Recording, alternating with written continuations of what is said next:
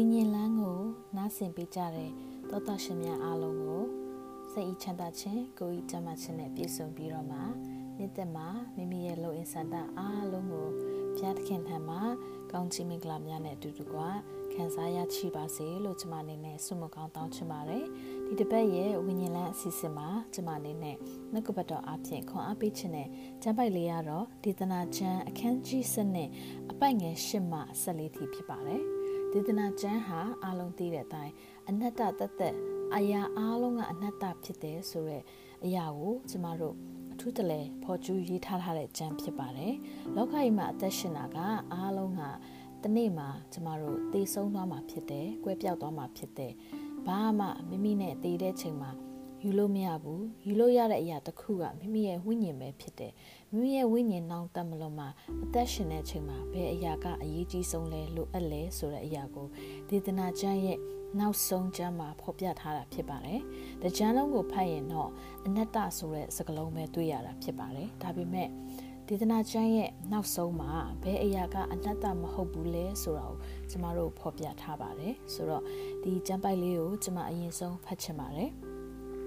အနတ္တတတံအလုံးစုံတို့သည် အနတ္တဖြစ်ကြသည်ဟုဓမ္မဒေသနာဆရာဟော၏ဓမ္မဒေသနာဆရာသည်ပညာရှိသည့်အတိုင်းပရိတတ်တို့အားပညာအသက်ကိုတွင်တင်လေရှိ၏လုံလဝရိယပြုလျက်များစွာသောတုတ်တန်စကားတို့ကိုရှာဖွေ၍စီရင်၏ဓမ္မဒေသနာဆရာသည်နားထောင်ဖွယ်သောစကားကိုရှာ၍ရေးထားချက်စကားသည် ဖြောင့်မတ်သောစကားတမာစကားဖြစ်၏ပညာရှိသောသူ၏စကားသည်ဒုတ်ချွန်နှင့်၎င်းတပါးတီသောတိုးထင်းကြီးပေးအပ်တော်မူ၍ပရိတ်တက်အုတ်တို့ကိုရိုက်ထားသောတန်ချွန်နှင့်၎င်းသူ၏တဖန်တုံငါသာထိုတို့သောစကားအပြင်စုံမခြင်းကိုခံလောစာများကိုစီရင်၍မကုန်နိုင်စာကိုစူးစမ်း၍ကြည့်ရှုခြင်းအမှုသည်ကိုကိုနောက်ဆက်သောအမှုဖြစ်၏အချုပ်ချာစကားဟုမူကားဖျားသခင်ကိုကြောက်ရွံ့၍တညတ်တော်တို့ကိုစောင့်ရှောက်လောဤ၍ကလူနှင့်ဆိုင်သောအမှုအရာအလုံးစုံတို့ကို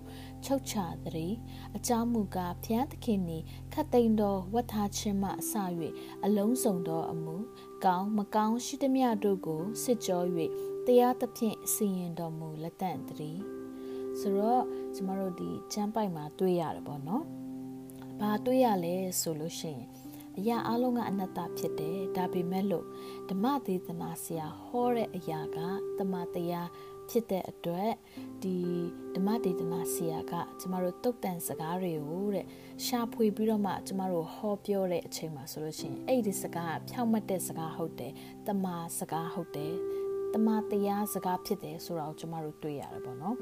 ဆိုတော့ပညာရှိတွေကဘလောက်ပဲပညာရှာရှာအချီးနှီးတသက်ဖြစ်တယ်ဒါပေမဲ့လို့ဘုရားသခင်ရဲ့တမန်တရားပညာတရားကိုလိုက်လျှောက်လို့ရှိရင်ဒီအရာကမှအမွန်မြတ်တဲ့အရာဖြစ်တယ်ဒီအရာကမှတည်မြဲတဲ့အရာဖြစ်တယ်ဆိုတော့ပြောပြထားပါတယ်ဆိုတော့ကျွန်တော်ကျမတို့အားလုံးလည်း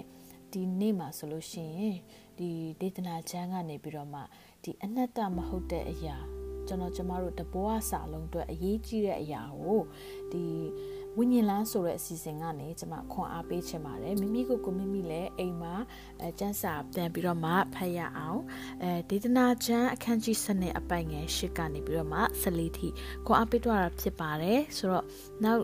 လာမယ့်ဒီ podcast မှာလည်းဒီဝိညာဉ်လန်းကနေပြီးတော့မှကျမတို့တမန်တရားအသက်ရှင်တဲ့နှုတ်ကပတ်တော်ကနေပြီးတော့မှယုံကြည်သူညီကိုမောင်နှမများအားလုံးကိုဝိညာဉ်အစာအတွက်ခွန်အားပေးတော့မှာဖြစ်ပါတယ်ဒီနှစ်2021မှာဘုရားသခင်နဲ့အတူတကွသွားလာရအောင်ကျမတို့ဘုရားသခင်ရဲ့နှုတ်ထွက်စကားတွေကိုနေ့တိုင်းကျမတို့ဆင်ခြင်မှတ်သားပြီးတော့မှလိုက်လာလေ့ကျင့်ရအောင်ပြီးတော့မှဘုရားသခင်ရဲ့ဒီသတင်းစကားကိုလေ့လာခြင်းဟာအိမ်မက်တန်မှတည်မြဲတည်တတ်တဲ့အရာဖြစ်တယ်ဆိုတဲ့အကြောင်းအရာလေးတွေကိုအတူတကွနားဆင်ခြင်းအပြင်တော်၎င်းဝေငှခြင်းအပြင်တော်၎င်းခွန်အားယူကြရအောင်အားလုံးပေါ်မှာဘုရားသခင်ကောင်းချီးပေးပါစေနောက်တစ်ပတ်ကျမတို့ဝိညာဉ်လန်း podcast အစီအစဉ်မှာပြန်လည်တွေ့ကြရအောင်